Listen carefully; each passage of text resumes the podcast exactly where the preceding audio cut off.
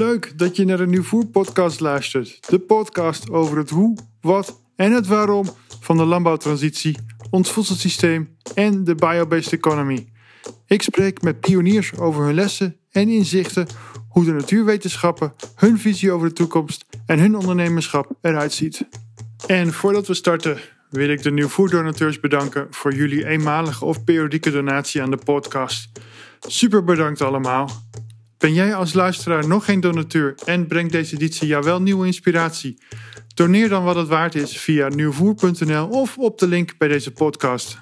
En tot slot mijn grote dank aan de pioniers Priva, Greenport West-Holland, Rechtstreeks en Gemeente Rotterdam. Die hebben geholpen nieuw te brengen daar waar het nu is. En natuurlijk KV Laadbloeien voor het hosten van onze live gesprekken. En dan gaan we nu starten met de podcast. Mijn naam is Alexander Prinsen en ik wens jullie ontzettend veel luisterplezier. In deze editie ga ik met Maarten van Schendel van het waterschap De Dommel in gesprek om de relatie tussen water en de bodem beter te begrijpen. Want het blijkt dat steeds meer landbouwers uit noodzaak begonnen zijn de eigenschappen van hun water te beïnvloeden ten behoeve van de gezondheid van hun dieren, de weerbaarheid van hun gewassen en hun producten. Als je dan ook nog weet dat water 77 anomaliteiten kent, dan is het toch verbluffend dat we zo weinig begrijpen van de toepasbaarheid van dit meest voorkomende molecuul op aarde. Gaat dan ook de versnelling voor een weerbare landbouw mogelijk komen van een inspirerende boswachter Victor Schauberger uit Oostenrijk? Dag Maarten, uh, welkom dat je vandaag hier bij uh, Nieuwvoer nummer 19 bent. Ja, dank je. En uh, voor mijn aanleiding dat wij hier samen zitten was een, een dialoog die we hadden op LinkedIn over voor mij deels bokashi, micro-organismes, vijvers die andere dingen gaan doen dan wat we gewend zijn. Ja. En toen kwam ik ook achter dat jij gefascineerd bent door het werk van Victor Schauberger. Ook nog, ja. En dat is uh, uh, voor mij ook een inspirerend iemand geweest, omdat ik dankzij hem natuurkunde op een hele andere manier ben gaan beschouwen. Mm -hmm. En, nou ja, hij heeft, en zijn gedachtegoed staat nog steeds haaks, op, zeker op de hydrologie. er gebeuren dingen die we nog steeds niet kunnen verklaren, of steeds beter kunnen verklaren. Um, en dat zet ook de gangbare natuurwetenschappen letterlijk op zijn kop. Ja. Um, daar gaan we het straks ook lekker dieper op in. Um, dus welkom Maarten. Ja, dank je. Fijn dat je hebt tijd kunnen maken en dat je nou, niet op de bank, maar dit keer op de stoel hier bij uh, Café Laabloeien uh, uh, bent komen te zitten. Um, waar gaan we beginnen, Maarten? Want we hebben een heel lang. We, we hebben denk ik een uurtje, anderhalf uur om een toch best wel fascinerend onderwerp te gaan bespreken. Ja. Water. En, 90% van ons lichaam bestaat uit water. Als ik Gerard Polak mag volgen. Uh, ja, net hoe je het bekijkt. Net hoe ik het bekijk. In ieder geval, de watermolecuul uh, is, zit overal. Ja. En uh, misschien is het even goed ook om jou te introduceren. Wie is Maarten? En wat heeft onder andere jouw opleiding op de hogeschool in Zeeland mm -hmm. invloed gehad op de plek waar je nu zit?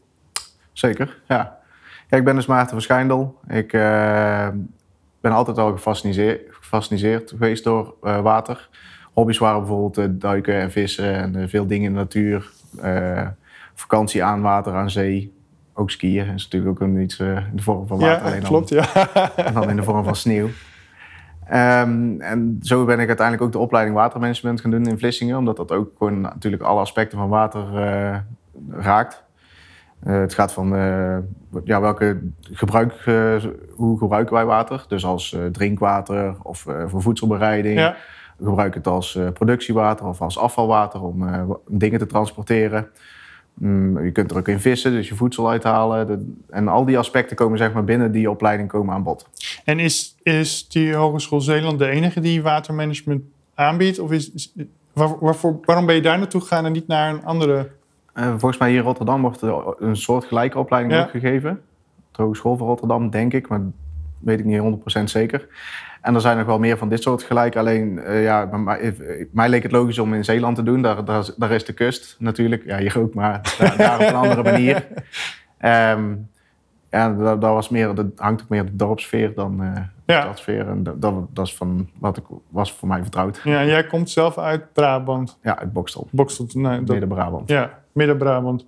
En ehm, jij vertelde ook in de voorbespreking dat je ontdekt hebt ook dat je tijdens de opleiding ontdekte je dat je andere dingen wilde weten dan wat de opleiding bracht. Of, Ja, dat, ook de gedurende opleiding, of ook al, al toen ik kleiner was, maar ook na de opleiding, ben, ben ik wel achter gekomen dat water op, op zich een, gewoon een, een bijzonder, eh, bijzondere vloeistof is, Ja. of stof. Eh, dat heeft een aantal eigenschappen die, die niet te verklaren zijn met de huidige na- natuur- natuurkunde. Zoals water in, in- hier in deze atmosfeer is, is vloeibaar, terwijl het uit twee zulke lichte atomen bestaat dat het eigenlijk een gasvorm zou moeten zijn hier. ja, Dat is natuurlijk heel erg vreemd. twee Eh, haartjes. ja, twee haartjes en een ootje. En die zijn alle twee relatief licht. Dus dat het een vloeistof is in, met deze atmosfeer en deze temperatuur is niet logisch. Maar deze dus wel. Eh, daarbij is water eh, heeft altijd de eigenschap om, om te willen kronkelen. Dus eh, als je water door een eh, doorgezaagde dakgoot of dakpijp of zo naar beneden laat lopen, zal water altijd dit doen. Of je ziet het over het raam. Of water gaat altijd een bepaalde beweging maken die Ja. niet, niet hydrologisch te verklaren is. Alle andere vloeistoffen gaan in een rechte lijn naar beneden. Water heeft zelfs de eigenschap om tegen de zwaartekracht in te gaan, omhoog te gaan. De capillaire werking. Dus Maar er, is- is geen andere molecuul die reageert op de capillaire werking. nee, water is eh, degene die dat wel eh, kan doen. Water is natuurlijk ook apart dat het in vaste vorm uitzet, terwijl alle andere stoffen in vaste vorm kleiner worden dan de gasvorm of de vloeibare fase. Maar water zet juist uit en dan komt nog het vreemde, dan gaat het dus, wordt het lichter dan de vloeistof. Dus ijs drijft boven op water. Ook niet logisch. Ja, da, dus, en waar water is, is leven. Maar wa- waarom dat er nou precies dat is, heb ik nooit eigenlijk met de opleiding meegekregen. Natuurlijk heb je water nodig om, om te kunnen groeien en, en dergelijke. Maar er zit een aspect meer aan water die ervoor zorgt dat er ook daadwerkelijk leven is. Ja, want, want, want vanuit mijn praktijk, innovatiepraktijk, leer, kom je erachter dat water het oplosmiddel is voor de natuur. De natuur heeft water als katalysator nodig om van A naar B te komen. En, en Bijvoorbeeld, Het, ja. het is geen andere vloeistof die dat doet. Nee, ja, er is ook geen andere vloeistof die zoveel eh, inderdaad, eh, elementen kan opnemen, net zoals water. Je kunt er zoveel kilo zout in een kuub water oplossen dat je zou zeggen dat het, eh, dat het groter moet worden, zeg maar. Je voegt Ja. zoveel toe. Maar het water zorgt, er- omdat water zo klein is, gaat het mooi overal tussenin zitten. Het is inderdaad een katalysator voor andere stoffen. Het is een beetje de olie. Het is de olie van ons leven. Maar dan loop Ja. ik weer heel erg op de feiten vooruit. En, en hoe kom jij dan uiteindelijk bij Waterschap de Dommel eh, uit? In eerste instantie ook omdat ik daar stage heb gelopen. Ja. Ehm, en na een tussenpoos, eh, ik moest ook nog mijn school afronden, ben ik daar weer terug in, eh, in dienst gekomen als adviseur voor waterkwaliteit. En daar ben ik gewoon eh, een van de projecten waar ik mee bezig was, was met de micro-organismen waar, waar wij dus over gehad hebben. Dus het helderder maken van het water, stimuleren van plantengroei, het remmen van algengroei en kijken of dat, dat kan bijdragen aan de, de doelen van het waterschap en, en de taken die we hebben. Ja, Daarbij kwamen ook op een fenomeen eh, waterstructuur of water, vitaal water. Omdat we bij eh, de, waar we het project uitvoeren, dat is bij de rioolwaterzuivering in Soerendonk, hebben we een, een waterpark liggen. Dus een natuurlijke nazuivering van de rioolwaterzuivering zelf. en natuurlijk is met behulp van planten en... Planten, verschillende vijvers, bijvoorbeeld met vijvers met watervlooien erin, die dan nog onopgeloste bestanddelen opeten. En Ja. eh, moerassloten waar riet en ondergedoken waterplanten zitten, die zorgen voor meer natuurlijk karakter van het water, meer een zuurstofritme er terug inbrengen. Want s s'avonds eh, wordt zuurstof verbruikt in het water, overdag wordt weer geproduceerd door fotosynthese. Oh En zo eh, krijgt water zeg maar ook een, een, een zuurstofritme, zoals we het noemen. Ja, maar eventjes voor mij, dit is interessant. dus eh, zuurstof in het water is ook aan de, aan de, aan de, in de ritme van de dag onderhevig. Ja. Net eigenlijk net zoals je net denkt, zuurstof in een bos. Dat is ook 's ochtends, middags of 's avonds anders. Ja. Ja, het is gewoon puur, de, deels heeft met fotosynthese te maken, gewoon omdat ja, met eh de middel van fotosynthese en zonlicht wordt de zuurstof geproduceerd. Ja, En wordt eh, CO2 opgenomen. En s'avonds gebeurt eigenlijk precies het eh, omgekeerde. Dan nemen planten nemen zuurstof op en eh, stoten we CO2 uit. Dus zo krijg je dus een, een daling en een stijging van zuurstof in een, in een gezond watersysteem.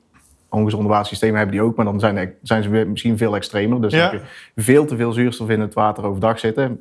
Hoeft niet per se een probleem te zijn, alleen wat er in de nacht gebeurt, dan heb je er veel te weinig in zitten. En dat kan dan voor andere organismen een probleem geven. Ja, en dan, dan krijg je accumulatie van bepaalde organismen die Ja. dat overnemen. Ja. En, en in, in het waterschap de Dommel heb jij een rol als innovatiemanager of inno- innovatie... Je zit in die innovatietak van, van de Dommel. Ja, bijna alle projecten waar ik mee bezig ben zijn op het gebied van verschillende innovatie, eh, verschillende innovatie-ideeën en projecten. Ja, Er zijn heel veel ideeën, een aantal worden, maar daadwerkelijk een project. ja. Ehm, dus de, ja, daar doe ik dan wel veel in. En wat er ook nog trouwens, dat wil ik nog even zeggen, wat onderdeel is van, die, van de waterpark zijn de flowforms. We hebben flowform cascades liggen. ja. En die liggen daar als, als gewoon als primair doel hebben ze Voor degenen die geen beeld hebben. geen beeld hebben en nieuw zijn tot dit onderwerp... Ja. waarom word jij enthousiast van die flow schermen? ja, het zijn flowform cascades. Het zijn eigenlijk eh, twee kommen naast elkaar. Of, in ieder geval, dat is één van de... Daar stroomt water in en maakt dan een paar achtvormige bewegingen, zeg maar, Ja. voordat het naar het volgende kommetje. Daar, daar liggen er weer twee kommetjes onder, daar weer twee kommetjes, daar Ja. weer twee. Dus het gaat bij het eerste kommetje en dan gaat het langs naar het tweede kommetje, en dan gaat het naar het derde kommetje, et cetera, totdat het water helemaal naar beneden is gegaan. En wat er eigenlijk gebeurt, is er wordt een soort bergbeek nagebootst. Dus water Ja, oké. het stroomt zo, kabbelt zo heel langzaam naar beneden. Je hebt ook gewoon normale ka- zuurstofcascades. Er zijn Ja. eh, bijvoorbeeld een soort trappetje wat je dan hebt. Dan klettert het water zo naar beneden en zo wordt zuurstof ingebracht. Ja, Ja, zo'n kleine watervalletjes. precies. Maar dan is water wel van eh, binnen twee seconden van A naar, beneden, naar B, zeg Ja. maar. En nu duurt, het- duurt het echt heel lang voordat die van boven het bovenste kommetje Ja. naar het onderste kommetje zijn gegaan. En daardoor staan ze dus veel in contact met de, de atmosfeer en krijgen ze, nemen ze zuurstof op. Ze zijn eh, wit en lichtgeel gemaakt, zodat UV-straling erin kan komen, maar ook weer teruggeketst wordt, zodat pathogenen of ziekteverwekkers, Ja, bacteriën worden afgebroken. Ja, die twee, voor die twee functies ligt er eigenlijk voornamelijk. Dus de zuurstofinbreng en eh, het afbreken van de pathogenen. en, En hoe, hoe komen jullie daarbij om dit te gaan doen? Want dat is denk ik, voor jou, jij, jij praat alsof het niet de normaalste zaak van de wereld is. Ja, nee, ja, we hebben, er zijn meerdere, eh, een aantal van mijn collega's die hier ook al, eh, al in geïnteresseerd zijn. En eh, zo eh, met, via netwerk zeg maar, op, op bepaalde mensen komen die dit dus kunnen ontwerpen. Want Ja. dit, dit was, de flowforms bestonden wel aan, aan, aan, als losse kommetjes. Maar om er zoveel achter elkaar te koppelen en ook nog zoveel naast elkaar, ja, dat is eigenlijk nergens zo gemaakt. Hey, en, en, en wat is dan even voor degene mensen die het altijd concreet willen hebben? Leuk zo'n flow vorm, maar wat, wat doet, is het water dan anders aan het eind dan dat je aan het begin hebt? Wat, wat is de toegevoegde waarde van zo'n systeem? Ja, de primaire doelen zijn dus gewoon wat die ik net opnoemde. Dus de, de afbraak van de pathogenen Ja. en, en de zuurstofinbreng. De, de bijvangst is dat je water dus een natuurlijker karakter geeft. Eh, ik zei het net ook aan het begin, water heeft altijd de neiging om, om niet recht naar beneden te willen stromen, Ja. maar altijd een bepaalde Curve, ja, curve te willen maken om het te meandert, het zijn. meandert altijd. Dus logischerwijs is- wil dat water dat altijd doen. En in zo'n, eh, bij die flowforms doen ze dat ook. En voor ons eh, is het van belang dat hij dus de, zuurstof inbrengt en zo. En de, bijvangst is als het water ook dus natuurlijker wordt. En zoals sommige mensen het ook willen omschrijven, energetisch een betere energetische waarde krijgt. Ja, nou ja en, als water, maar dat is hetzelfde wat ik. Nou ja, als je het boek van Victor Schauberg, maar we zullen daar zo meteen dieper op ingaan. Als je leert dat het uit de bron water naar buiten komt, dan wil het eerste wat het wil is oxideren. Eh, want het heeft zo lang zonder zuurstof Ja, geleefd. En dan, nou ja, dat, dat zeggen we toch altijd van een spring, dan bruist het altijd van het leven. Dus er, zal, er zit een kern van waarheid in, maar wat die waarheid precies is, daar zijn de wetenschappers nog niet helemaal over. ja. ja, dit hangt natuurlijk samen met de totale watercyclus, wat water normaal gesproken Ja. moet hebben. Van regen en tot infiltratie, tot riviertjes, bergbeekjes en ver- vervolgens weer verdamping en regen. Ja, we hebben die watercyclus wel heel kort gemaakt. En kijk, die flowforms bo- bootsen zeg maar een, een soort bergbeekje naar. Dus het is Ja. onderdeel van die watercyclus die die normaal zou moeten hebben. Nu is het door een rioolwaterzuivering gegaan. Iets Ja, heel mechanisch. En zo breng je toch iets meer natuurlijkers terug in het water. En, en zien jullie dan ook echt het verschil van het water daarna? Want daarna is het drinkwater of gaat het water dan in het oppervlaktewater? Nee, die, die, die natuurlijke nazuivering, dat waterpark ligt daar om eh, het gewoon echt een natuurlijke karakter te, te geven. Dus net het zuurstofritme benoemde ik. Ja, Eh, het geheel noemen wij ecologiseren, dus dat, dat er meer leven in het water zit. Ook, ook eh, voor de microbiologie, dat er een gezonde microbiologie in zit aan schimmels en bacteriën, et cetera. Ehm, maar ook dat en meer beestjes alvast in, in leven aan, aan insecten, macrofauna, eh, vissen.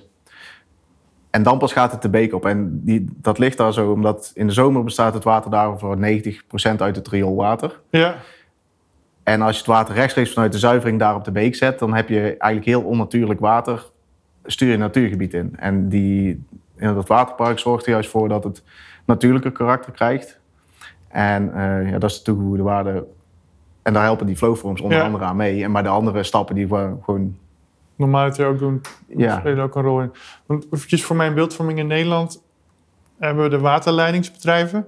Ja. Die zorgen ervoor dat we het water kunnen drinken en Ja. gebruiken.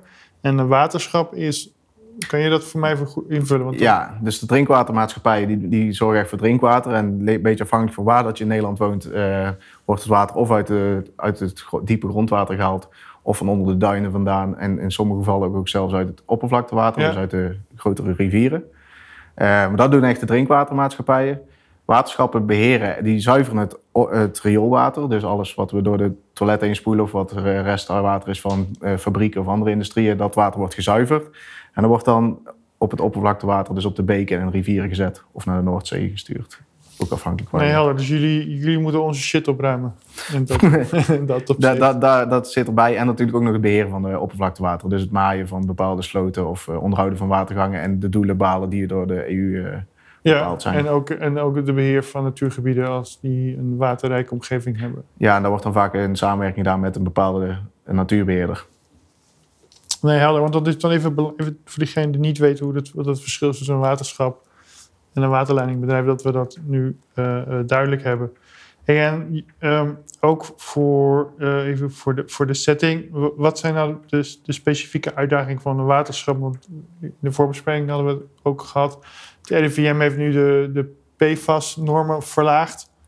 Er zat toch iets te veel in. Ja, en de- ik, ik weet dat er heel veel over microplastics, toxiteiten, maar ook bijvoorbeeld de, de droogte, de piekdroogte die we nu krijgen. En, en nou, te, nou, we, nu, we zitten nu in Rotterdam en nu regent het weer keihard. ja. Dus het is, we hebben nu gewoon te veel regen of te weinig regen en er is geen eh, eh, middeling meer in. Nee, er zijn echt de extremen die het... dat zien we de afgelopen jaren in elk geval, dat er de extremen er veel erger zijn. Dus inderdaad, of meteen heel veel regen, of blijft heel lange tijd droog.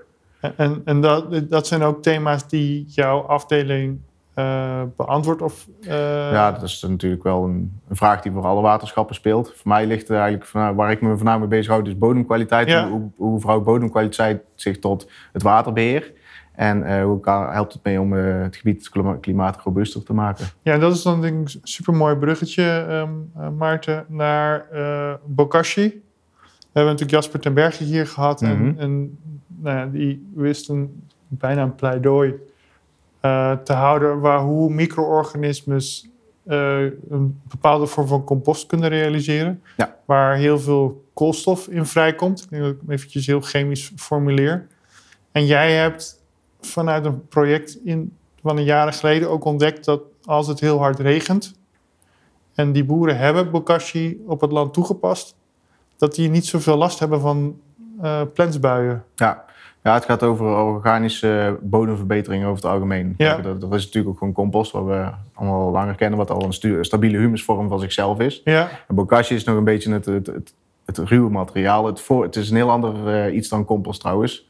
Het is alleen van hetzelfde ingangsmateriaal gemaakt. Neem Ja. een slootmaaisel of zo. Dat kun je dan eh, composteren met heel veel zuurstof erbij, regelmatig omzetten. Dan wordt het dus tot een stabiele humusvorm, dus een stabiele koolstofvorm gemaakt. ja, En bokashi doe je dus luchtdicht wegzetten, wordt gefermenteerd met ja, heel weinig zuurstof. Toevoeging van micro-organismen is belangrijk en eventueel ook nog eh, kalksoorten en eh, mineraalsoorten. En daar wordt het maaisel eh voor verteerd. Dus het, de- er worden bepaalde celstructuren worden afgebroken en Ja. dergelijke. Maar het komt er eigenlijk...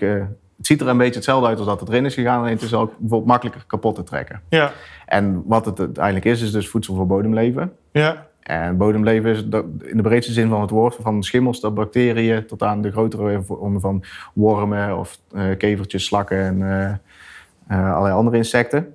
En die zijn weer de bodembewoners. Die zitten of in de strooisellaag of daaronder en die, die graven naar die bokashi toe. Je moet bokashi eigenlijk ook altijd de voorkeur is om het over de bodem heen te doen en niet in te werken ja, dat ze er echt naartoe moeten. En ook weer naar beneden gaan. En daar poepen ze stabiele humusvorm uit, of de, de, de koolstof weer uit. Eh, dus, en daar wordt dan weer gebruikt door planten en andere bodemleven. Maar ze graven dus ook die gangetjes, zodat water makkelijker die bodem in kan. En Piers noemde dat lift, de, de liftschachten van de bodem, Ja. samen met de schimmels. Ja, ja. En ik zo, dat, dat is dus natuurlijk een van de dingen wat meehelpt. Maar er zijn ook gewoon eh, problemen met de bodem die niet alleen met bokashi op. De, de bokashi is niet de oplossing. Het kan eh, zeker meehelpen aan, eh, aan een betere bodemkwaliteit. Maar er zijn ook je hebt bijvoorbeeld een bepaalde manier van bodemverdichting. Ja. Door eh, zware machines of het, eh, overmatig kunstmestgebruik of eh, andere mogelijk- mogelijkheden worden die tot bodemverdichting leiden. Ja, dan ga je niet met een beetje bokashi oplossen. Daar zal Nee, want daar is, anders... daar is het te dik voor het bodemleven om, om ja, om maar ook een, worm of zo komt niet zo makkelijk door zo'n... Het is echt bijna ja, een betonlaag in sommige gevallen. En dan komt een, een, een, een bodembewoner niet zomaar doorheen.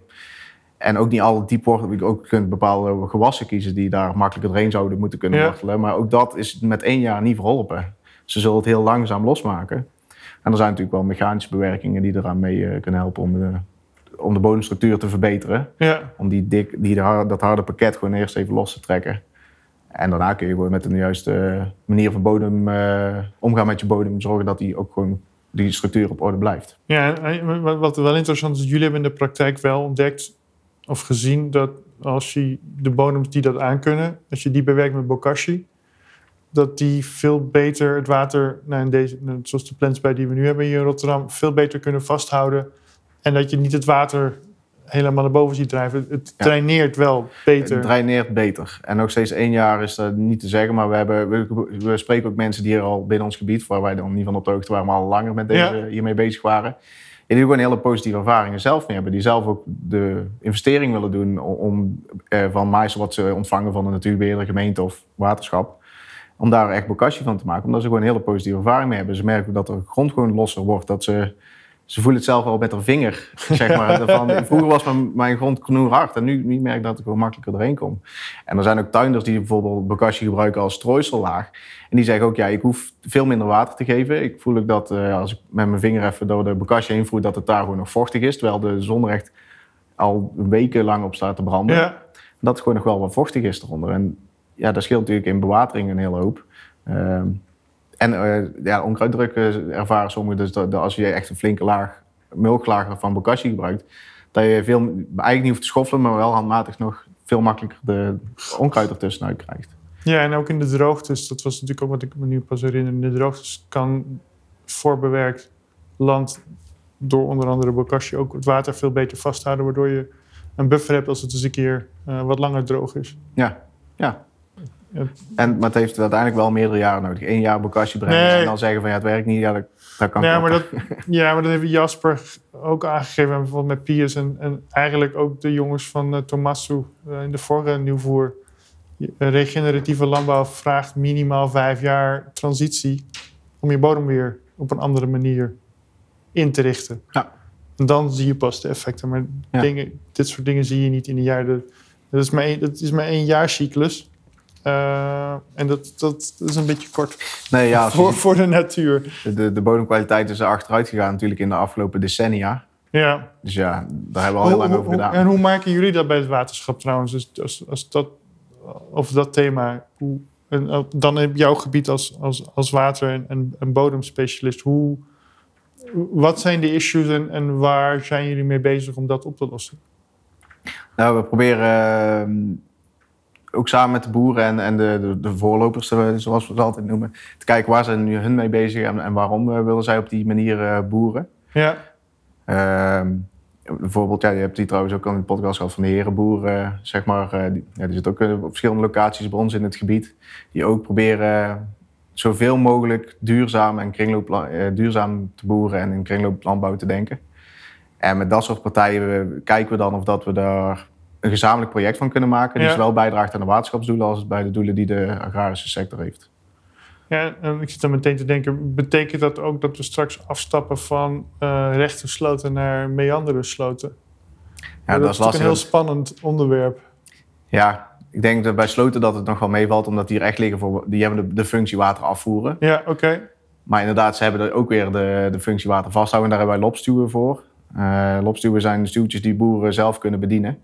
Dus die staan aan het einde van de sloot en daar zitten verschillende schotbalkjes in en die kunnen ze open en dicht zetten. En dan buffer, wordt die sloot gebruikt als buffer. Ja. Kijk, als je hem laat meanderen, buffert hij op een natuurlijke manier, maar ja, dan zijn ze vaak maar een paar honderd meter. En kijk, het heeft pas wel, het heeft zin als het kilometersloot is dan. Ja, want uh, uh, misschien is dit ik, ik, misschien ook even een mooi stapje naar Victor en dan komen we vanzelf weer naar vitaal water. Wat, wat zijn de dingen die jij van het gedachtegoed van Victor tot je genomen hebt? En jij, maar ik denk misschien dat we zelfs over jouw team mogen praten bij Waterschap de Dommel. En, en, en, en, en, en waarin zijn jullie anders? Dat is natuurlijk ook altijd leuk nou. om dat wat te verlichten, bij te lichten, bij te schijnen. Dat is ja. goed. Nou, de gedachtegoed van Victor Schouwberger, ik vind het sowieso mooi hoe dat hij vind ik persoonlijk ieder geval mooi hoe hij te werk is gegaan. In zijn, in zijn, dat hij begonnen is als uh, bosbouwer, of boswachter en bosbouwer. Maar dat hij uh, waterglijbanen kon maken voor die boomstammen uit de bergen te krijgen. En hij was eigenlijk de enige die het op die manier kon, zonder dat hij het kon aantonen. Waarom dat die banen een bepaalde vorm moesten maken, zorgde hij ervoor dat het wel gewoon kon. En, en ook zijn collega's stonden altijd versteld van, oh dat is die gek, die kan het niet onderbouwen, maar hij bouwt wel waterbanen die op een manier veel meer hout uit de bossen krijgt dan ieder andere eh, van die banen kan maken. Dat vind ik persoonlijk wel een mooi iets dat er mensen gewoon een bepaalde kwaliteit hebben om, uh, om iets te realiseren. En hoe dat dan te vertalen is richting de dommel. Wij proberen.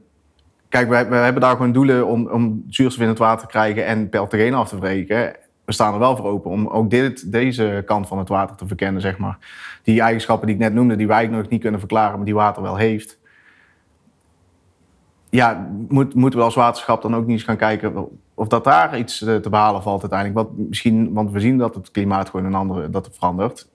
Kunnen we niet met die techniek of met die uh, ideologie inspelen op, op wat, wat er gaat komen? Ja, en heel concreet hebben jullie de technologie van Patema ik het goed? Ja. Gebruikt in een van jullie, ik weet niet of het nou de Dommel was. bij de Dommel, ja. Bij de Dommel. Dat is misschien interessant ook om uit te leggen waarom een, een vortex de waterkwaliteit van dat, dat, of dat, in ieder geval dat gedeelte van de Dommel omhoog heeft weten te krijgen. Ja, uiteindelijk is daar, is, hangt dat ook wel weer samen met de watervitaliteit of de waterstructuur, zeg maar. Ja. Maar uiteindelijk het idee van... Ehm, wat, wat daar gebeurt is dus de dommelbeluchting. Dus als uh, overstorten, riooloverstorten, als het heel hard gaat regenen, gaan die allemaal in het water.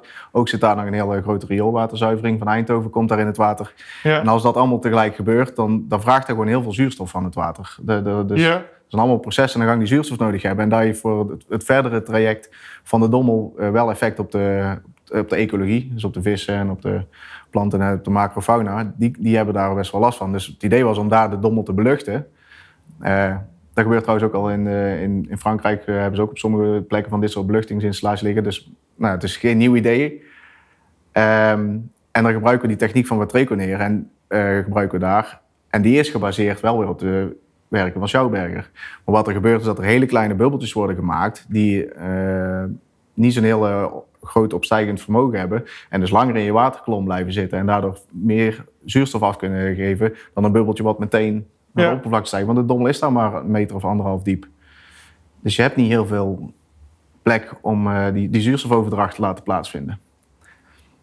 Dus daar, daar, ja, daar is wel iets, uh, op die manier zijn we daar ook... Uh... Ja, en, en de, de, resultaten, die, dat project loopt al een aantal jaren, toch? Ja. En de resultaten laten ook zien dat het ook werkt. De, ja, niet, niet in alle gevallen. Dus dit, dit is ook nog steeds ja. een beetje een experimentele fase. Soms werken ze wel goed en soms helemaal niet. En we proberen een beetje de vinger achter te krijgen waarom dat het waar dat die verschillen in zitten. Uh, ja, we zijn het wel weer aan het verkennen, zeg maar, van hoe kunnen we op een zo efficiënt mogelijk manier met zo min mogelijk energie zoveel mogelijk zuurstof in het water krijgen. En dat, uh, kijk, wat ik wel van de, vind ik en uh, Watreco, die hebben natuurlijk al andere praktijkvoorbeelden die wel gewoon heel goed, die, die wel heel goed hebben gewerkt. Dat is bij de ijsbanen. Ik weet niet of je daar iets van hebt meegekregen. Ik heb, ik heb Patema, ik ken Patema en ik ken Koert van Watreco best wel goed. Die kan er sowieso heel mooi Maar misschien dat jij even, even, kort toelicht voor, voor degene die uh, luisteren en meekijken. Uh, wat, wat die techniek is en waarom dat onder andere waarom misschien zelfs de, landbouw misschien meer hiernaar moet kijken, ook voor, voor sloten en alles wat water gerelateerd is. Ja, nou wat, eh, wat zij doen is eh, hun waterstructuur of watervitalisatie-ideeën zo gaat over het ontgassen van water. Dus water ook weer in een bepaalde Trijkolk? draaikolk brengen, zodat de gassen eruit gaan, dat je een andere waterstructuur overhoudt. Dus er zijn ja, gassen uit. Eh, want water is natuurlijk niet puur H2O, daar zit van alles anders bij in, in gewoon water. Ehm, en wat zij hebben gedaan is bij ijsbanen over heel de wereld, ik geloof meer dan de helft sowieso dit eh, systeem hebben. Ja, een andere vreemde eigenschap van water is dat water sneller bevriest als het warm is. Dus bij die ijsbanen, denk aan eh ijshockeybanen of eh, gewoon andere schaatsbanen, deze water ook eerst verwarmen voordat ze een nieuw laag water over het eh, ijs deden, om het weer dichter aan te laten vriezen. Dus dat is ook weer een vreemde eigenschap, maar die werd dus gebruikt. En toen kwamen zij erachter als ze met die techniek van ontgassen aan de slag gingen en dan met koud water gewoon eroverheen deden, dat het water en sneller bevroor en dat het ijs veel harder werd. Hoe dat het precies werkt, dat weten zij ook niet. maar dat het werkt, is wel gewoon een feit. Want uiteindelijk zijn dus, eh, wat ik al zeg, het, ja, voor mij heeft Koert toen gezegd dat het voor mij meer dan 75% was, maar houd het in ieder geval op dat meer dan de helft van de ijsbanen over heel de wereld deze techniek gebruiken, omdat ze geen energie meer kwijt zijn met het water verhitten tot Ja. 60 graden. En het ijs wordt harder en, het- en het houdt dus ook langer. Dus Ja, en dan hebben dus die mineralen en dat gas blijkbaar dus wel een invloed op, op de, noem je het, het, het, het, het- de ijsvorming van, van water. Ja. En de vraag hoe dat, daar, daar, jij noemde in onze voorbespreking.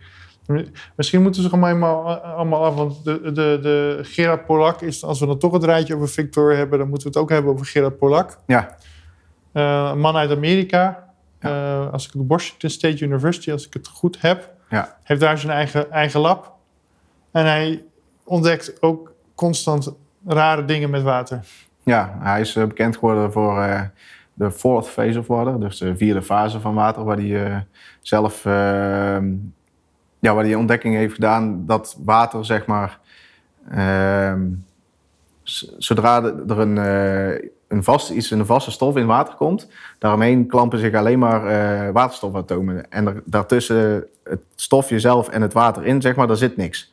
Het water gaat ook van het stofje af.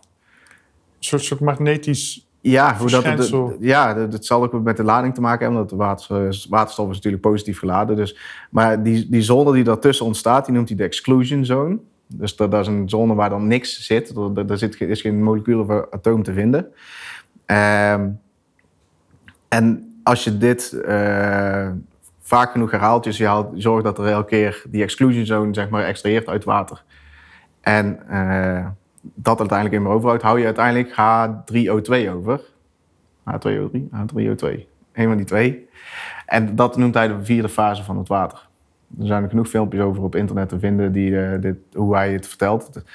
Het, is heel interessant. Hij eh, doet er inderdaad heel veel onderzoek naar. En de En- beelden zijn fascinerend. Maar dit, we hebben het wel echt over, over een micro. ja, het is echt op hele kleine... Het is niet nano, net niet, maar net, net boven nano-schaal.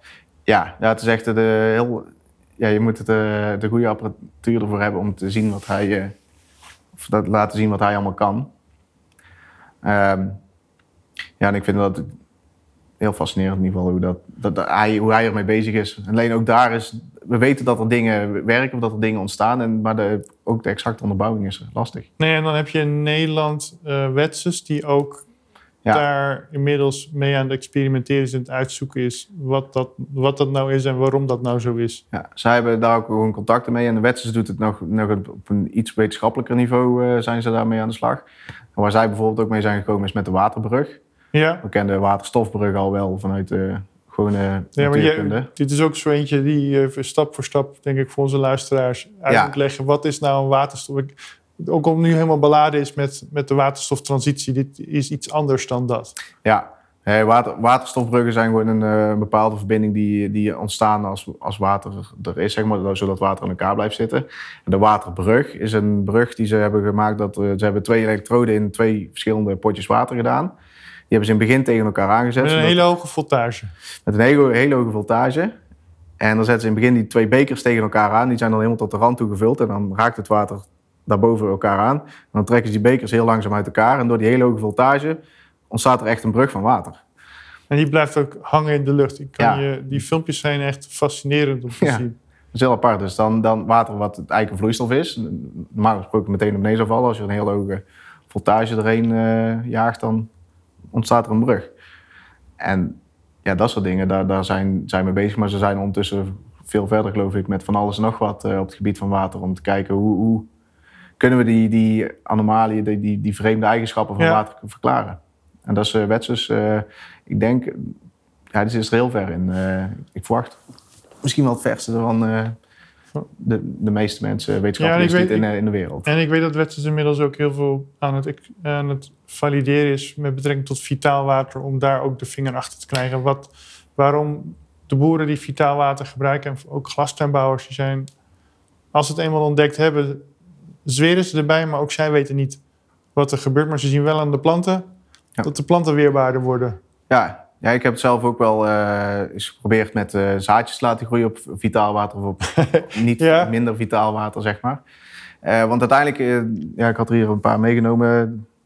Dit is bijvoorbeeld een keramische ring. Ja, diegenen die meekijken, die willen... Heet de Ring of Harmony. Ehm, had eigenlijk een heel ander doeleind dan eh, water vitaliseren, maar En voor de luisteraars, eh, Maarten heeft een, een ring in zijn handen, keramische ring. Ja. En dat is het.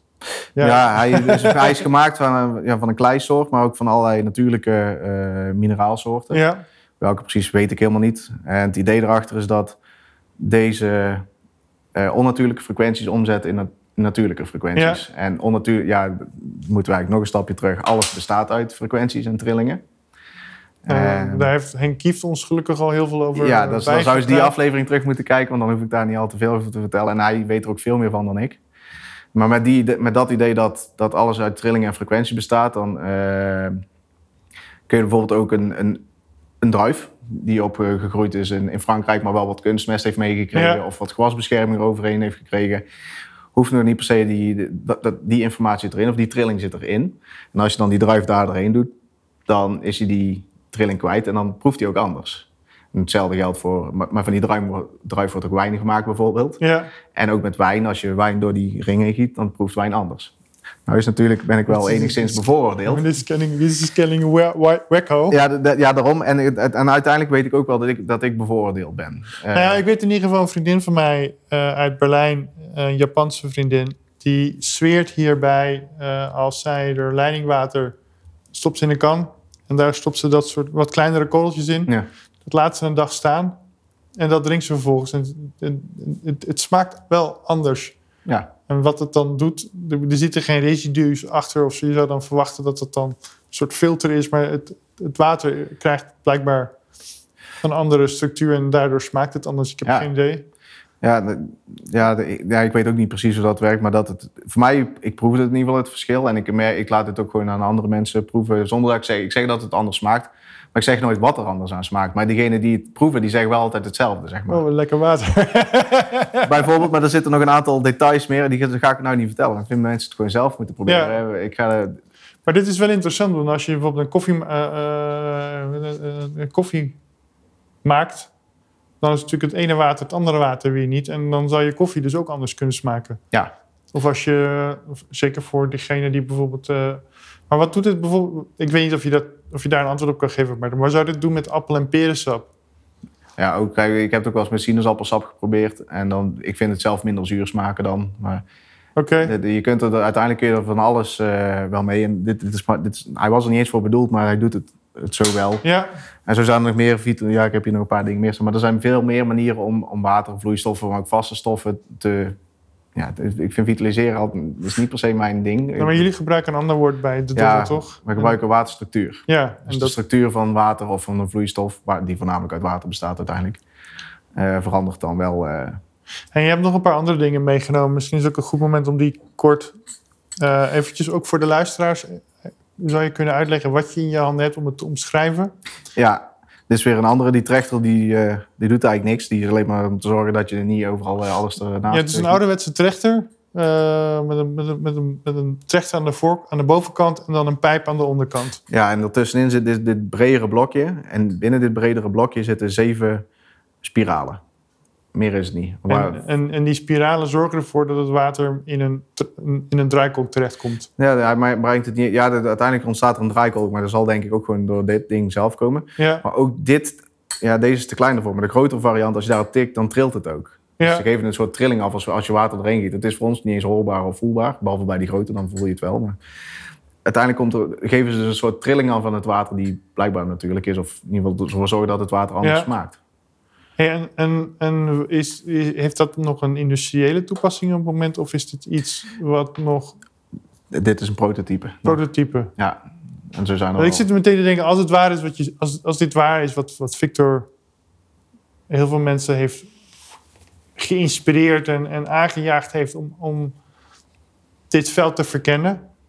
Maar dat, maar dat heeft invloed op ons bier, op ons leidingwater. Ik weet dat verhalen van, van eh, ook rioolwater zouden we eigenlijk in de vortex terug moeten sturen naar de mijn idee, van, rioolzuivering. mijn idee van wel. De, de- de- en of dat we het ooit gaan eh, verkennen bij Dommel, dat, dat weet ik niet. Dat, moet, moet blijken. Nee, maar als je.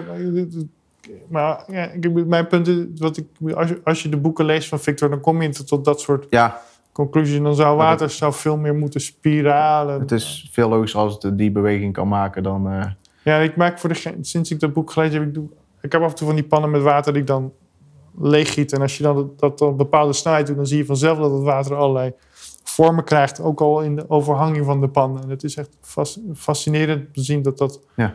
niet een, een, hoe dat? een stortvloed naar beneden is, maar dat het, het curlt constant. Ja, ja het, het, maakt van nature altijd een bepaalde beweging. Je ziet op het strand ook al eh, dat het, eh, die, die, eh, als het water weer van het strand afstroomt nadat het weer eb wordt. Dat het ook, dan is het maar een heel kort stroompje, maar meteen maakt hij weer die, die krullende beweging overal. Zie En je. ik zie het, zijn, zijn er tuinders die dit gebruiken? Dat, Nou, deze, weet ik, deze specifiek weet ik niet. Maar ik weet wel dat bijvoorbeeld tuinders of eh, mensen die eh maispercelen hebben, de maispitten op een bepaalde manier vitaliseren. Hoe dat ze doen, weet ik niet. want Ja. Ik heb de verhaal alleen maar gehoord. Maar dat ze dat doen om eh, meer pitten per kolf te krijgen, bijvoorbeeld. no way. En ja. En, en, ja, en dat is het water wat ze erop spuiten? Of is dat het mais wat ze dan... eh, Nee, de maiskorrel zelf. Maar ja, die krijg je natuurlijk niet door zo'n ding heen. Of, en ik weet ook niet door wat voor vitalizer wel. Maar ik denk dat het een beetje het principe is van een, een natuurlijke keramische ring. ja. Of iets anders. Ik heb werkelijk geen idee. Maar die verhalen hoor ik. En ik hoor ze ook alleen maar omdat eigenlijk niemand, die, of vooral de agrariërs die daarmee bezig zijn, niet echt te koop lopen met... Nee, maar, maar dat, heeft, eh, dat heeft Henk ook gezegd. Je, de uit, je moet, op een gegeven moment wordt het ge- gekke Henkie eh, eh, niet gericht op, op Henkie zelf dan. maar eh, gekke Henkie of dit is zo esoterisch. Maar zolang ze het resultaat kunnen laten zien... Ja. zit er blijkbaar ergens een kern van, kern van waarheid in. Ja. En dat is super interessant om die te ontdekken.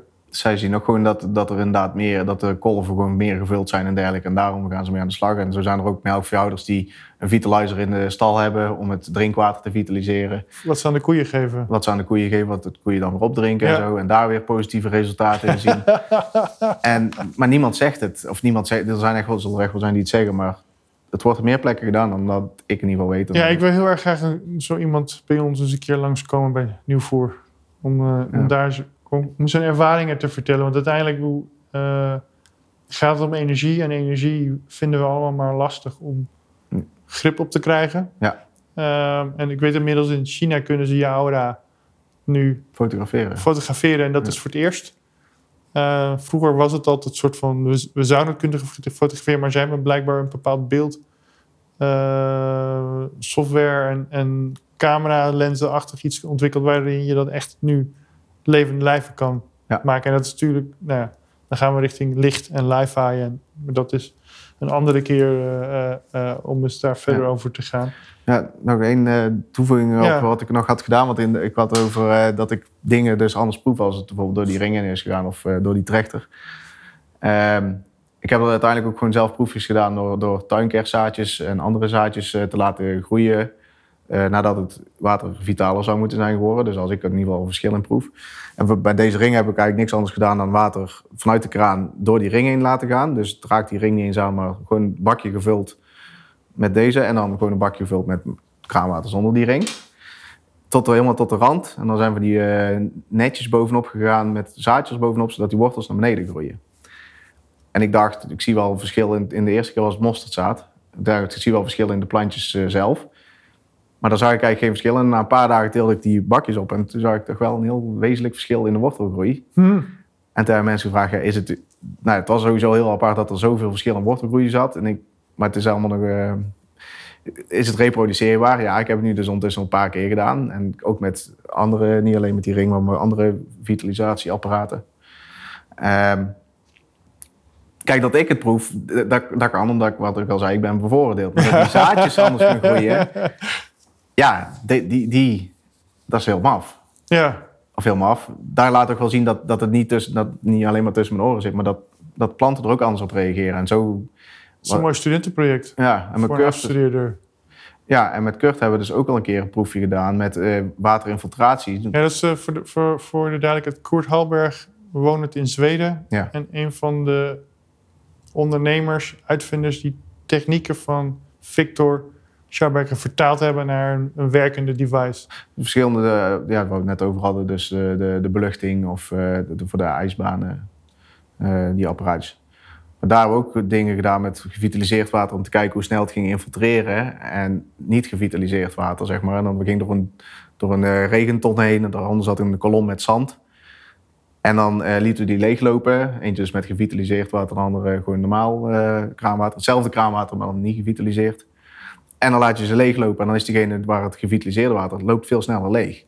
Dus de infiltratiesnelheid van een gevitaliseerd water is ook Sneller. sneller. Daar, is, daar wil ik graag nog een keer eh, ergens eh, uitproberen.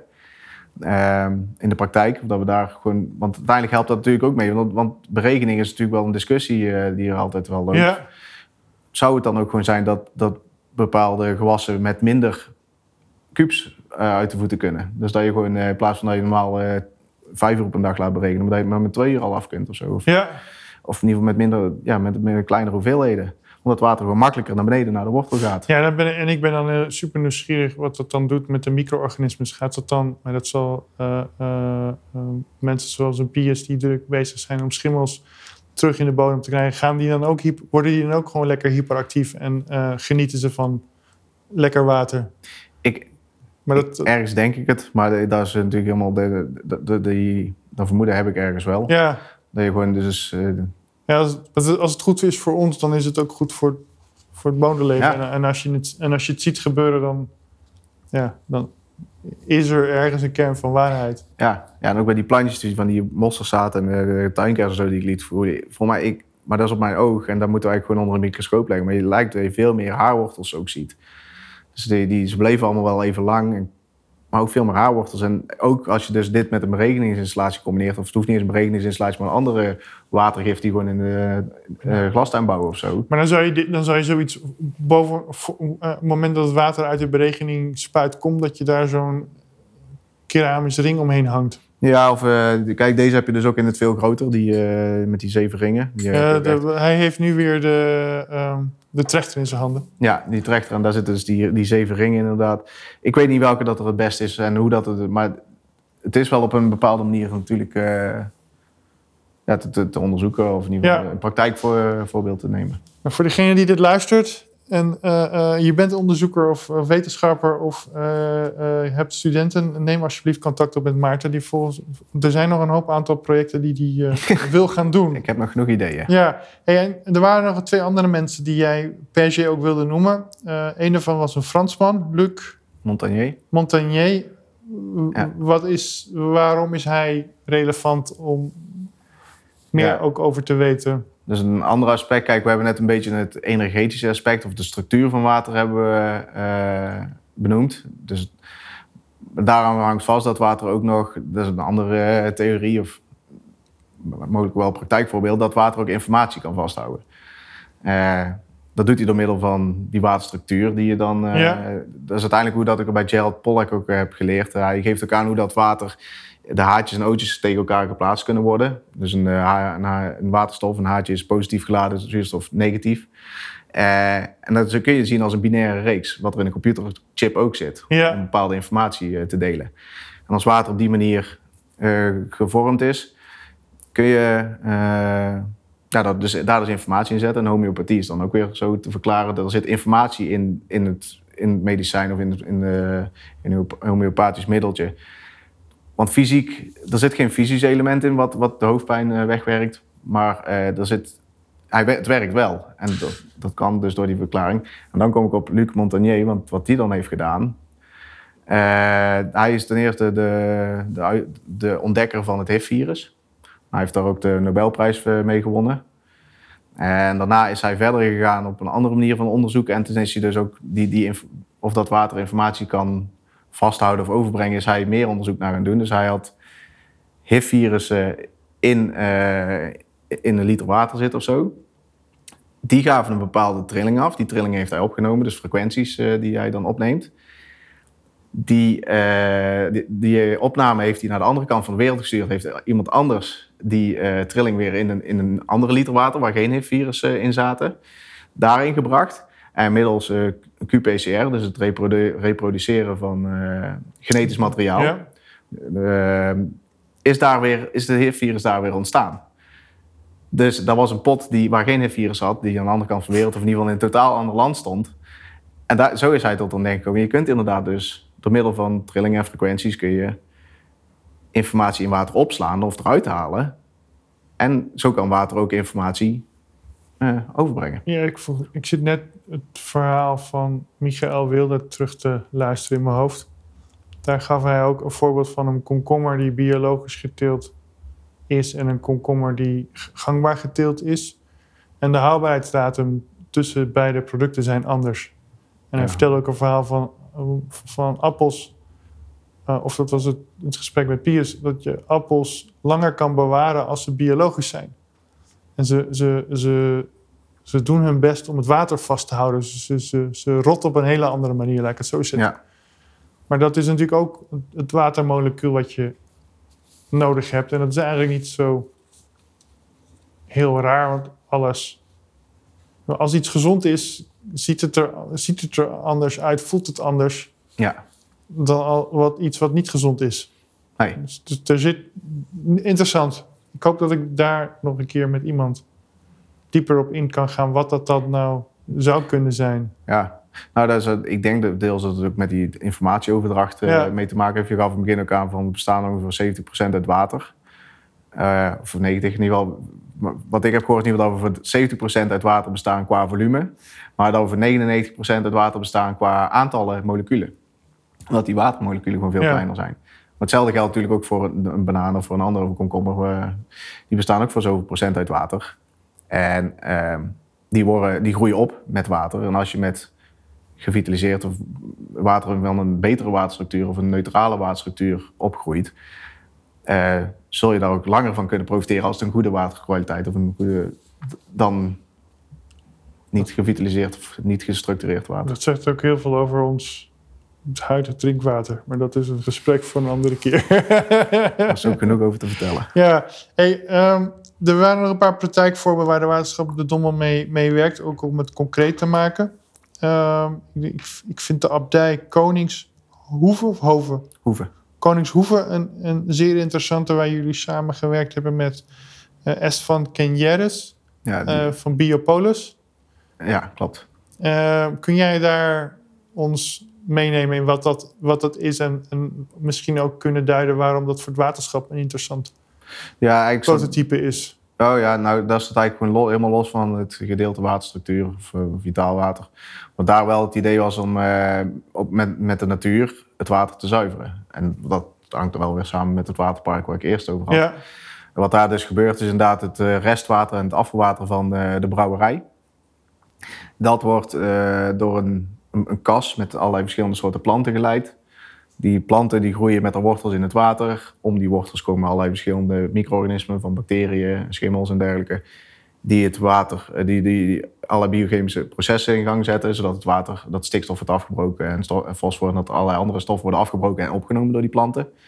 En zo daar heb je dus een natuurlijke zuivering van je afvalwater. Totaal is anders dan de mechanische zuivering die er op de meeste plekken staat. Ja, nou ja, de link met vitaal is er wel. Want het is, als de natuur het doet, dan krijg je natuurlijk een hele andere ja. Uh, uh, samenstelling, consistentie van wat, wat je water. Dat je, wat je er uiteindelijk uit krijgt. Klopt. In die zin heeft het wel zeker met waterstructuur. Of, ja. Dat, dat is de manier hoe ik had het. Ja, ja nee, daar, kijk. daar heb je gelijk. En misschien zijn we inderdaad ook met veel meer eh, manieren ook zo. Zijn we al altijd wel met eh, waterstructuur bezig, maar misschien eh, niet altijd heel bewust. Ja, en, en wat, maakt, wat maakt bijvoorbeeld dat proces zo revolutionair? Want dan hebben we het over innovatie als in, in waterschappen. Ehm, ja, sowieso is het natuurlijk een, eh, een heel aparte manier van. we zijn gewend om onze, ja, ik noem het mechanische zuivering, maar het zijn niet helemaal mechanisch, deels wel, maar het zijn eigenlijk biologische zuiveringen. Waar puur alleen het slip en de daar de aanwezige micro-organismen de, de voedingsstof afbreken of opnemen. Ehm, maar daar kijk- werk je nog eens met planten, die, die in de standaard zuiveringen niet eh, worden gedaan. En wat, wat ze daarbij wilden doen, dat er ook nog vlinders in de, in de kas kwamen. En dat je daar gewoon een totaalplaatje van natuur krijgt die het restwater of het afvalwater eh, zuiveren. Dat is natuurlijk een heel prachtig voorbeeld van hoe, dat de natuur, eh, hoe sterk de natuur is.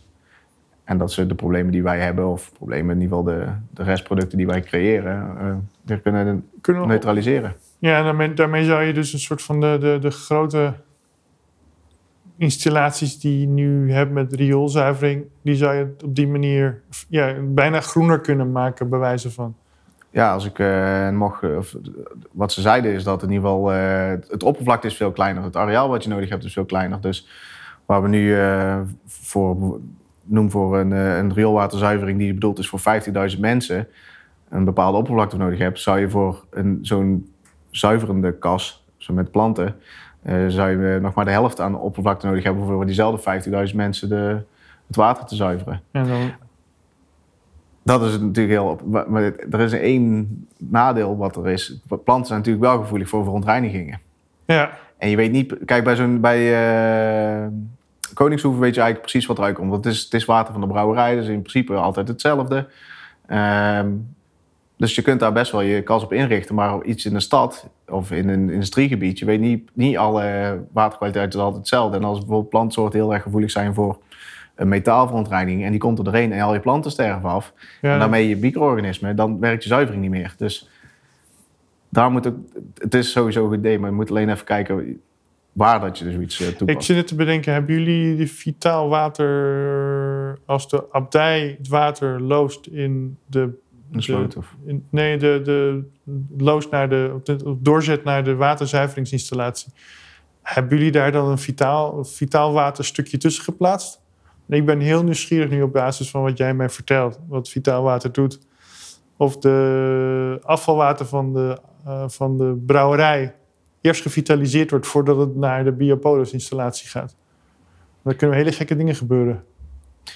Ja, dat weet ik eigenlijk zo niet. Hoe, want hoe bedoel je? Nou, wat, je zegt, wat jij zegt, als je, als je het water door die ring heen laat Ja. gaan. Dus als je het afvalwater van de, van, van de abdij, dus de, de brouwerijwater, voordat hij naar de Biopolis-installatie gaat, dat je die nog eens Oh, vitaliseert. Ja. En dan kijken wat er met de planten en de bacteriegroei doet. Ik denk wel dat het hele positieve effecten kan geven eigenlijk. De, Ja. Hetzelfde denk ik gewoon voor alle manieren van wat we aan afvalwaterbehandelingen doen, dat het daar gewoon wel makkelijk mee zuivert. Maar ik zou, Maar ik heb er nog zou, ik zou- Stefan, net te bedenken. Ik, ik heb nog een reden om met hem te mailen, maar dan heb ik nu een reden. Ja. We moesten kijken wat, of hij dat wel eens ontdekt, on- uitgezocht heeft. Want dan, dan kan je misschien weer hele interessante uitkomsten gaan krijgen. Ja, En ehm, de, je- nou ja, de, de bubbels hebben we gehad. En, en jullie zijn ook bezig om, eh, om vanuit vitaalwater, maar ook vanuit de Vortex, om de lastige vijvers eh, op te schonen. En, en dan lastig in de zin van dat je dan, de, de, blauwe alg is vaak de, de spelbreker. Ehm, ja, dat is het symptoom dat je wat je vijver niet op orde is. ja, ehm, kun je daar wat meer over vertellen hoe je misschien ja, hoe je vanuit het denken van vanuit vitaalwater en, en de, aanverwante eh, denkrichtingen vijvers kunt verbeteren zonder dat je daar een heel chemisch palet op loslaat. Ja, daar, zijn we, daar hebben we wel een, een verkenning naar gedaan. Ehm, en de, eigenlijk waren de, resultaten wel positief, maar je kunt daar, wat, wat we daar deden was een draaikolk zeg maar, in een vijver maken, dus echt een vortex. Ja, Ehm, waar het water er vanuit de oppervlakte door een vortexmachine zeg maar, eh, naar beneden werd gedaan. En je krijgt dan een hele mooie circulatie van je water. En dat is dan de discussie. Gaf de beweging, de vorm, de, de vortex die je creëerde het zuiverende effect? Ja. Of omdat je je water gewoon continu aan het mengen bent. Wat ook al gewoon een, een voordeel is voor Ja. je. Dus dat was natuurlijk wel een beetje lastig. Om te zeggen van ligt het dan aan de waterstructuur of ligt het gewoon puur aan de, het, het mengen van je water. Ehm, in die zin zijn we daar ook, hebben we daar niet op doorgepakt. Omdat, ja, daar, daar is gewoon heel lastig. wij zijn geen wetenschappelijk instituut. Dit moet je veel beter en groter oppakken. We hebben een leuke, we hebben gewoon de eerste verkenning gedaan. Er En is uiteindelijk eh, zijn er ook mensen op, eh, op die idee gewoon mee verder gegaan. Ehm, wij hebben er verder eh, niet. Ja, maar je zag wel een verbetering. En dat, Ja, dat, is geen, dat, was een, dat was wel een plas waar ik ieder jaar bijvoorbeeld blauwalg had of een drijflagen en een stank voorkwam. Dat deed hij niet meer. Eh, ik zit te wachten. We hebben hier in Rotterdam, eh, de Kralingse Plas, elk jaar een, eh, een, een, een uitdaging. ja, dat, ja, klopt. En ik zit ook te wachten totdat ze meer van dit soort... Het is ook een diepe plas volgens mij, omdat het Nou de ja, aanleg van de snelweg... Ja. Nee, ja, ik Ja, je zit te ze- lachen. Ja, ik hoorde dat ze daar, een andere, dat ze daar met andere middelen, dat ze wel met chemische middelen oplossingen kwamen. Symptoombestrijden van de algen daar. Ja. Terwijl aan de andere kant, dat is wel weer leuk. de provincie Zuid-Holland is ook aan het nadenken hoe ze bijvoorbeeld met eendekroos, maar volgens het gaat niet lang meer duren voordat ze ook gaan nadenken, kunnen we die blauwacht niet gaan inzetten voor een biobased product. Hoe, eh, een, een probleem kun je soms ook weer ombouwen naar een... eh, Ja, en ik zie de blauwalgen zelf niet eens zozeer als een probleem. Ja, ze kunnen natuurlijk een probleem vormen en ze kunnen toxines aanmaken Ja. en giftig eh, worden. daar Uiteindelijk is blauwalg niks anders dan een, een, een, symptoom waarvan je, waarvan, men, waarvan je kunt zeggen dat je systeem niet op orde is. En dat is trouwens ook niet helemaal waar, want ze horen er gewoon in het watersysteem terecht. Alleen die, extreme, zeg ja. maar. Dus die, die echt, als er echt hele dikke blauwalg plakaten, dan daar laat zien dat het niet meer op orde is. Daar heeft het, daar heeft is een gevolg van iets anders. En 9 van 10 keer is gewoon omdat het gewoon, je, er, er komen gewoon te veel voedingsstoffen in het water. Er zijn te weinig planten die die voedingsstoffen kunnen opnemen. Waarschijnlijk zit er ook nog eens te veel e- eh, eenden of vissen of, eh, op het water. Die, er is gewoon een onbalans in je, in je water. En het is niks anders dan een symptoompje. Ja, En eh, voor mij is de oplossing niet bij dit soort dingen om symptoombestrijding toe te passen. Want dan blijf je het. nou ja, maar we zijn opgegroeid met de chemie, hè. Dus eh, het werkt wel lekker snel. ja, maar eh, en niet langdurig. Nee, niet. En er was nog een andere naam, eh, de oud-directeur van Vitens, die ik super graag nog een keer hier wil hebben. Frank Silvis. Silves, die is bij Vitens vertrokken en is ook in aanraking gekomen met Victor Schauberger en het hele vitaal virus. Ehm, met twee, twee, twee vragen. Zie je steeds meer vanuit de, de watersector dat mensen op zoek zijn naar antwoorden zoals jij dat zelf doet en met jouw team bij de Dommel, dat er is, dit is meer met water dan dat we kunnen. En mensen zoals, zoals een Frank, die besluiten, die besluiten om op zoek te gaan en, en nieuwe technieken en, en oplossingen ontwikkelen.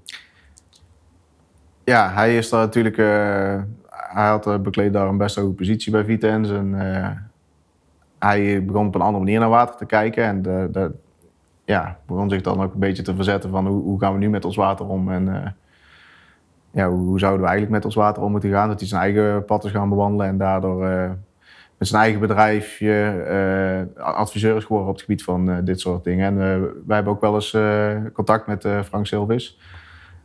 Hij inspireert ons gewoon van hoe, hoe zou je kunnen denken zeg maar, dat, dat je dingen Ja. met water kunt doen. Hij is ook... eh, ja, we hebben in die zin gewoon contact met onder andere met hen. Maar voor de flowformers hebben we bijvoorbeeld ook eh, eh, weer contact met andere mensen die juist die vorm en met die eh, techniek aan de slag zijn. En Frank is daar op een andere manier altijd wel bij ons een inspirator geweest.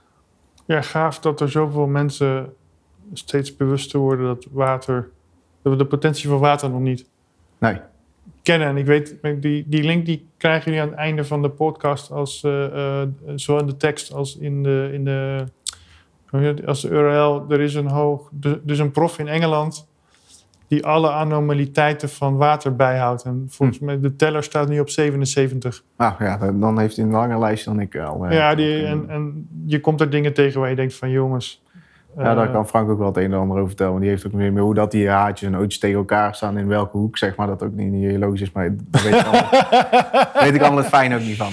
Hey, en, en om, om, om er een klein beetje naar een einde toe te gaan, Maarten. ehm, wat ik altijd merk in dit soort gesprekken is dat, dat het altijd over pionieren en gangbaar en, en innovatie en, en hoe vertel je je verhaal naar buiten. En, en hoe, hoe krijg je het over de bühne? Wat, wat is jouw slash jullie ervaring hier en, en hoe pakken jullie dat aan? Nou, we proberen gewoon... We hebben altijd gewoon dus een primair doel en een secundair doel. Of een secundair doel hebben we niet altijd. Maar het primaire doel is altijd dat we gewoon onze doelen behalen. Van oh, vispasseerbaarheid of... We hebben bijvoorbeeld de fishflow-forms, die we ook dan ook nog even kort benoemen. Dus eh, hetzelfde als die flowform bakjes om Ja. te brengen... hebben we ook fishflow-forms van twee losse kommen tegen elkaar aan. Waar water ook in dat achtje er doorheen kabbelt. Maar vissen wel naar boven kunnen zwemmen. En Ja. daarmee wordt een, eh, ja, een vispassage je van... Ja, zo ook weer zo'n trapje, ladder. ja. Maar ja, die kun je dus ook in, in flowform vorm eh, hebben die eh, bedacht. En daarmee krijgen ze, hebben ze meer zu- zuurstof? Dus ook zuurstof inbreng, maar ook vispasseerbaarheid. Dus als je, om, die liggen om een stuw heen. Normaal kunnen ze die stuw niet opzwemmen. Ja. Dat is veel te hoog. Maar door allemaal van die verschillende kommetjes achter elkaar te plaatsen, overbrug je een, Stimuleer je een beetje en daardoor hebben ze het gevoel dat ze... ja, je overbrugt een, een hoogteverschil. Ja, Omdat die, al, die kommetjes stuwen allemaal een klein beetje op. Dus die vissen zwemmen elke keer een stukje verder naar boven. ja. Kijk, en dat is voor ons gewoon belangrijk. Werkt het voor de vispasseerbaarheid en ook voor zuurstofinbreng? Want dat is ook altijd wel mooi meegenomen. Eh, ja, nou dan, dan verkennen we mee wat er dan ook eh, kan met waterstructuur. Is dat dan ook beter voor de beek? We zien daar wel gewoon heel opvallend veel meer plantensoorten groeien bijvoorbeeld. Ja, het is geen harde wetenschap, maar het, wordt er in ieder geval niet slechter van. Het is niet dat er ook alles... dus, ja, dat is ook wel een, een Ja. waarneming, zeg maar. Je ziet er best wel veel leuke plantsoorten, wat ook dan heel mooi meegenomen is. Het is vispasseerbaar. Eh, ja, en eh, we doen het voor alles wat we doen, of het meeste wat we tot nu hebben gedaan. Dus het gaat allemaal tegen relatief lage kosten. Als we echt de, de, de onderzoekskant in gaan, dan, ja, dan zijn de budgetten gewoon beperkt. Omdat we natuurlijk ook... eh, we, willen eerst gewoon verkennen of dat iets potentie heeft. En als blijkt dat iets potentie Ja. heeft, dan zouden we het op kunnen schalen. En in die fase zitten we nu, zeg maar. Van, we weten van een aantal eh, dingen dat ze gewoon echt wel potentie hebben. Die zouden we mogelijk En, op en, kunnen en schalen. hoe ooit. gaat dan een waterschap iets wat spannend is?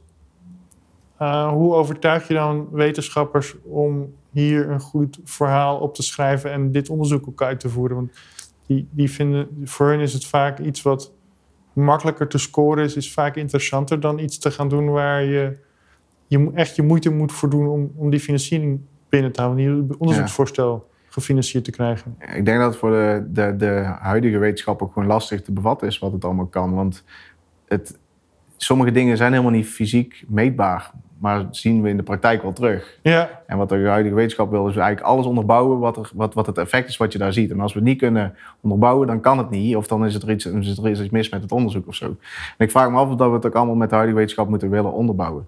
Eh, wat er met die ijsbanen gebeurt, is eh, denk ik voor mij persoonlijk een, is voldoende. Dus als je ziet dat je wa- altijd het water eh, meer zuurstof bevat, maar misschien ook langer zuurstof vasthoudt, was wat we dus het volgende wel willen bekijken, dan is dat voldoende. En waarom dat het langer water, waarom er meer zuurstof in zit of waarom er langer zuurstof in blijft zitten, is misschien niet eens zo relevant. Ja, als mensen het willen verklaren, veel succes.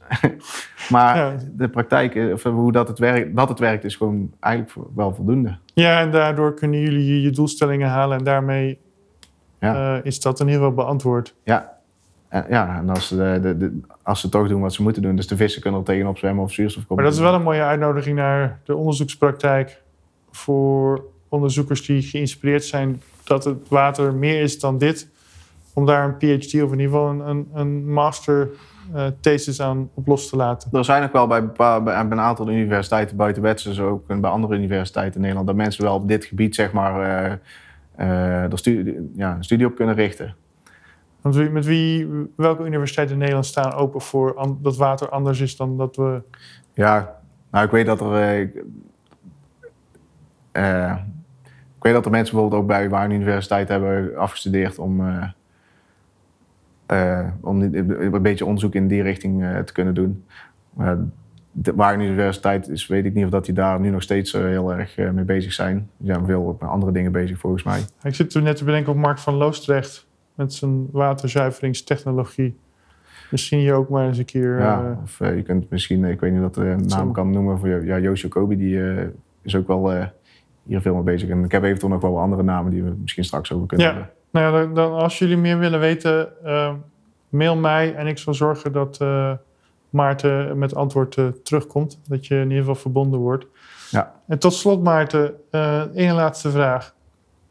Nieuw Voer eh, richt zich ook op boeren, ondernemers, beleidsmakers en eh, alles wat ertussen zit.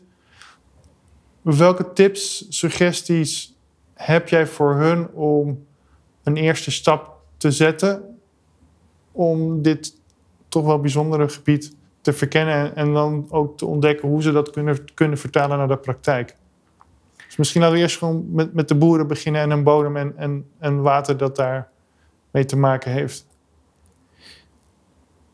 Ja, ik denk dat, dat er gewoon een, wat een praktijktest, die, die ik bijvoorbeeld zelf heb eh, mogen zien, zeg maar, van die ton en water infiltreren, twee soorten water, dat dat een bepaalde groep mensen aan het denken zet eh, om daar meer mee te gaan doen. Want ik weet uiteindelijk ook niet wat de oplossing is. En Ja. alleen eh, komen ik of de, het waterschap er zeker ook niet.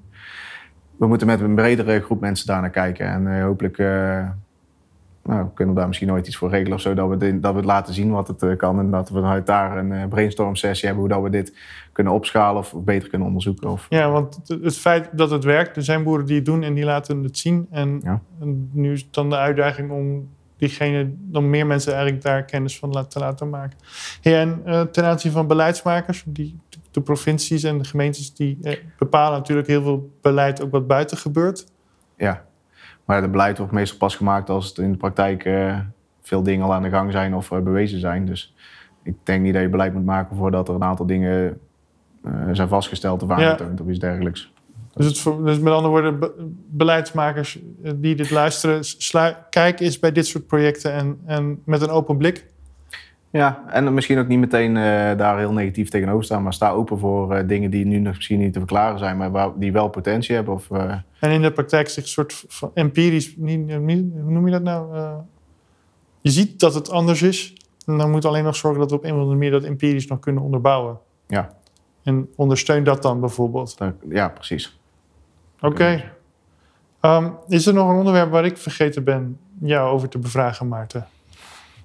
Hmm. Nee, ik denk dat voor water dat we gewoon het meest wel gehad hebben. Maar wat ik wel mee wil geven, water hangt aan. van- er zijn zoveel onderwerpen die die deels hier ook al aan bod zijn geweest en die hier misschien nog aan bod gaan komen.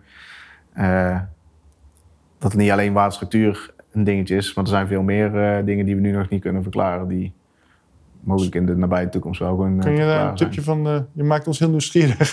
Ja, nee, ja ik, ik, ik, ik begreep waar, waar ik aan denk is Nikola Tesla, die bijvoorbeeld, eh, die was heel veel met energie bezig Ja. en zo. En maar die gaf ik aan, eh, dat is een van zijn one-liners, en of dat ik hem precies eh, vertel of vertaal zoals hij hem zelf heeft gezegd, maar waar het op neerkomt is eh, de dag dat, eh, dat eh, mensen eh, zich bezig gaan houden met de ni- niet-fysische wetenschap, zullen ze meer stappen maken in een eh, decade of in tien jaar tijd Ja. dan ze in de totale geschiedenis van de moderne wetenschap zullen doen.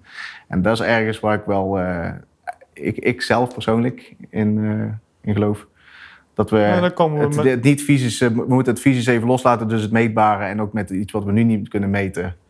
Eh, Ja, dan komen we dicht tegen kwantumlandbouw en kwantummechanica. Ja, en daar gebeuren de gekste dingen. Ik heb wat boeken gelezen ook over hoe bomen leven en wie ze zijn. En ja, die is ook eh Rudolf Steiner. je eh, wordt er echt, En, er eh, gaat een wereld voor je open. Ja, dus eh, het er zijn allemaal verbindingen tussen al die onderwerpen en eh, water is er één van.